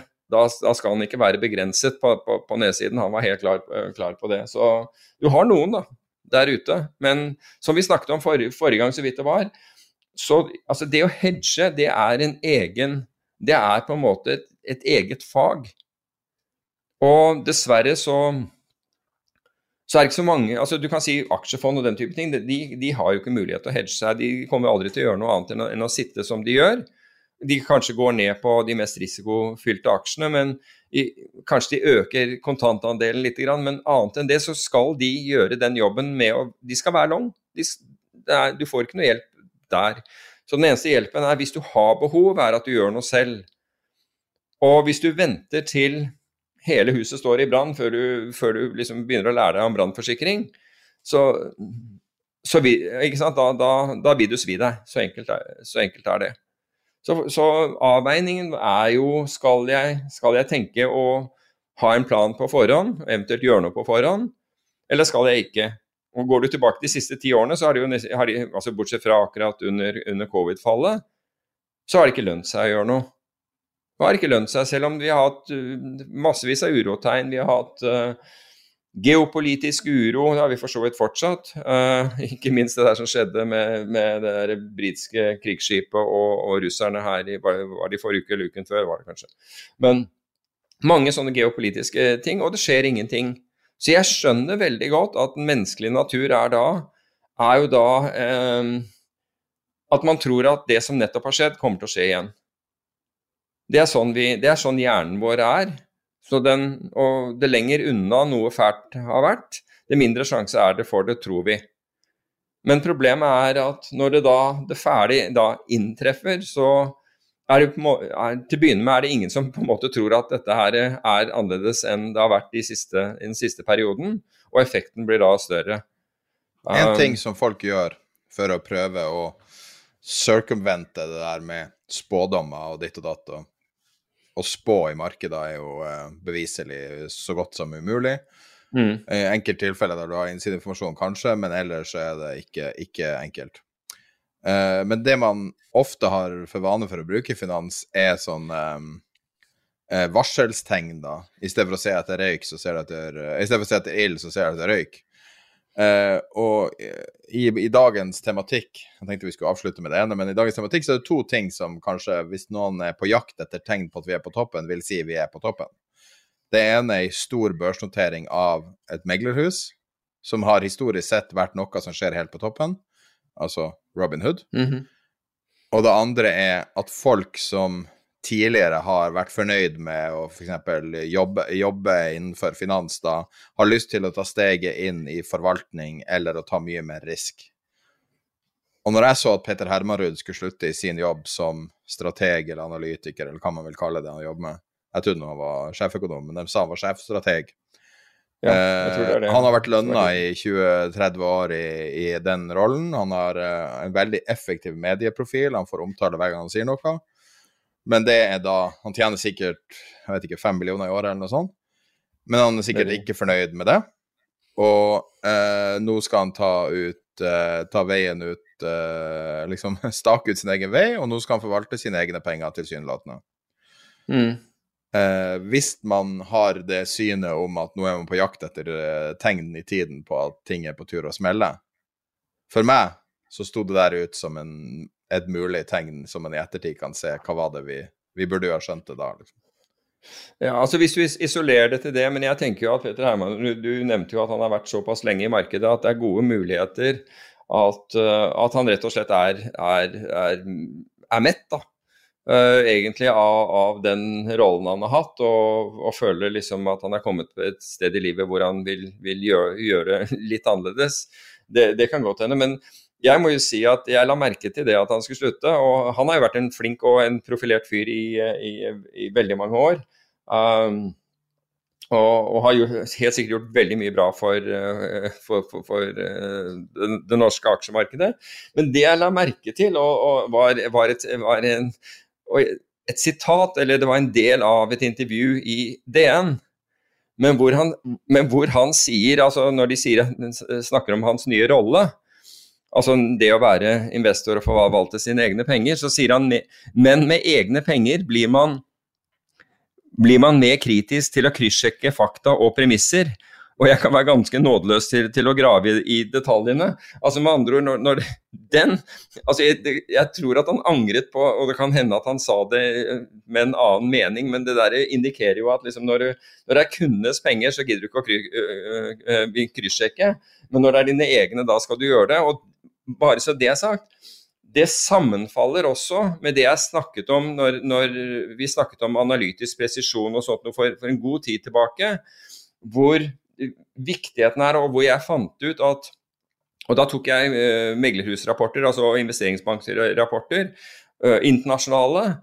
Og du så på premissene som lå til, til, til grunn for f.eks. kjøpsanbefalinger og salgsanbefalinger, så fant jeg veldig ofte at det var at i premissene så var det faktafeil. Så, he, så de, de kryssjekker ikke. altså De, de, de går ikke og, og, og um, uavhengig kildesjekker dataene som, som, de baserer en analyse på. Og det, og det fant jeg altså Den gangen så husker jeg at jeg gikk gjennom mange rapporter, og jeg fant feil ved nesten alle rapportene. At det lå faktafeil i nesten alle rapportene. Og det var fakta som dannet grunnlaget for analysen, som igjen dannet grunnlag for den konklusjonen de, de hadde. Så det kan være at eh, det, det, kan være at, at, at det rett og slett er, er bransjen, fordi den er fokusert på salg. Og i mange tilfeller så er premissen der, altså, eller så er konklusjonen der før egentlig analysen er, er, er startet på. Fordi hvis du, hvis du f.eks. er ute etter corporate-oppdrag, altså være seg emisjoner eller hva som helst, så kommer du ikke til å komme med en negativ analyse av det selskapet som du skal hente inn penger for, rett før du henter pengene. Det, det tror jeg de fleste forstår at neppe kommer til å skje. Men, men jeg føler jo at det var jo det var jo ekstremt ærlig av Peder Peter Hermanrud å, å, å, si det, og det for så vidt også bekrefter den, eh, den undersøkelsen som jeg selv gjorde, gjorde, den gangen. Så jeg håper ikke han føler seg hengt ut uh, pga. dette. Men det var, Man kan jo som et djevelens advokatargument si at uh, det er vel ikke helt ukjent at folk blir feilsitert i media? Nei, altså det, det, kan være at han ble, det, det, vet jeg ikke. Men i tilfelle så, så ville jeg eh, nok ønsket var jeg han å få rettet opp det, det inntrykket uh, umiddelbart. fordi det er jo ikke altså Hvis folk tror at, at man ikke kryssjekker altså Jeg må innrømme at jeg ville synes personlig at det var mye verre å ha bommet på fakta uh, overfor, overfor kunder eller overfor investorer eller hva som helst, enn å bomme på fakta overfor meg selv. Altså en ting er, altså, da, da, kan jeg holde kjeft om det og, og, irritere meg over at jeg har vært så dum, og, og, og ta kostnadene uh, for det. Men hadde jeg påført andre uh, kostnader og tap ved at jeg ikke har, ved kryssjekket uh, fakta, det, ja, da hadde, jeg, da, hadde jeg, da hadde jeg følt meg ikke bare dum, men da hadde, jeg, da hadde jeg fortjent den kritikken. Det er helt klart. Ja. Da er regnearket ikke lenger hvitt, men rødt, som signaliserer mm. at vi har gått gjennom alle temaene. Kanskje på tide å runde av. Jeg syns denne episoden var full av innhold, selv om jeg ikke visste hva vi skulle snakke om helt. Så vi fikk det til på et vis. Men det som er det store spørsmålet da, Peter, føler du at det her er 10. september? Nei, jeg føler ikke at det, altså du kan si 10. september så følte jeg ikke at uh, følte jeg ikke noe annerledes enn jeg gjorde 7. og 8. og sikkert uh, uh, i august heller, det, det, året. Det, det, må jeg innrømme. Altså, jeg så ikke for meg noe sånt noe, men det var mange varseltegn på forhånd i, i innenfor innenfor teknologibransjen. Og for de som husker så langt tilbake og var investor så langt tilbake, så holdt jeg jo en, holdt jeg jo en foredragsserie som het 'Økonomi er lik økonomi', fordi alle snakket om den nye økonomien, og at den, det var derfor alt kunne bli verdsatt til himmelhøye og urealistiske priser. Og jeg husker jeg begynte i Stavanger, hvor jeg da kranglet, kranglet med, med, med, tilhørerne om det. Det var ikke mye krangel, men vi hadde en ordentlig debatt. Til at jeg tror det siste foredraget jeg holdt i Førde, og det var rene gravølet, for på det tidspunktet så var alt falt fra hverandre eh, innenfor, innenfor, teknologi. Så, eh, men så når vi kom, i hvert fall når vi kom til 11.9. Eh, og 10.9, så hadde jeg altså Saken var at det hadde skjedd Du hadde fått mange tegn på forhånd uh, på, at, på at finansmarkedene ikke var bra. Og så får du denne her, som da naturlig nok får, får, uh, får både tragisk utfall, både for selvfølgelig alle uh, de det gjaldt, ja, og, og, for verden, egentlig. Um, så jeg har, jeg har, ikke noe mer følelse enn en det at jeg, jeg syns det er mange ting som ikke stemmer i markedet allerede. Men det betyr ikke at uh, i morgen er tilsvarende 11.9. Heldigvis. Heldigvis. Men det er supert. Da tror jeg vi runder av og minner på at uh, som sagt, mye av det vi har tatt opp, bl.a. den fulle sendinga fra CNBC, også en også lagt med en graf over over lange bilder på rentemarkedet tilbake til uh, tidlig 60-tallet, der du får se litt perspektiv på hvordan vei ting kan gå hvis det snur. Og så legger vi en rekke grafer vi har henvist til i episoden, og litt uh, filmklipp og andre ting. Så hvis du uh, vil se, lese nyhetsbrevet, så er det på tiderpenger.substack.com. Linken finner du på vår Facebook-side, du finner på bloggen, du finner det i beskrivelsen av podkasten hvis du vil bare klikke deg rett inn. Og da får du nyhetsbrevet tilsendt samtidig som episoden går ut. Why don't more infant formula companies use organic, grass-fed whole milk instead of skim? Why don't more infant formula companies use the latest breast milk science? Why don't more infant formula companies run their own clinical trials? Why don't more infant formula companies use more of the proteins found in breast milk? Why don't more infant formula companies have their own factories instead of outsourcing their manufacturing? We wondered the same thing. So we made ByHeart, a better formula for formula. Learn more at byheart.com. Hi, I'm Daniel, founder of Pretty Litter. Cats and cat owners deserve better than any old fashioned litter. That's why I teamed up with scientists and veterinarians to create Pretty Litter. Its innovative crystal formula has superior odor control and weighs up to 80% less than clay litter. Pretty Litter even monitors health by changing colors to help detect early signs of potential illness. It's the world's smartest kitty litter. Go to prettylitter.com and use code ACAST for 20% off your first order and a free cat toy. Terms and conditions apply. See site for details. Hey, it's Paige DeSorbo from Giggly Squad. High quality fashion without the price tag? Say hello to Quince. I'm snagging high end essentials like cozy cashmere sweaters, sleek leather jackets, fine jewelry, and so much more. With Quince being 50 to 80% less than similar brands. And they partner with factories that prioritize safe, ethical, and responsible manufacturing. I love that. Luxury quality within reach. Go to quince.com slash style to get free shipping and 365 day returns on your next order. Quince.com slash style.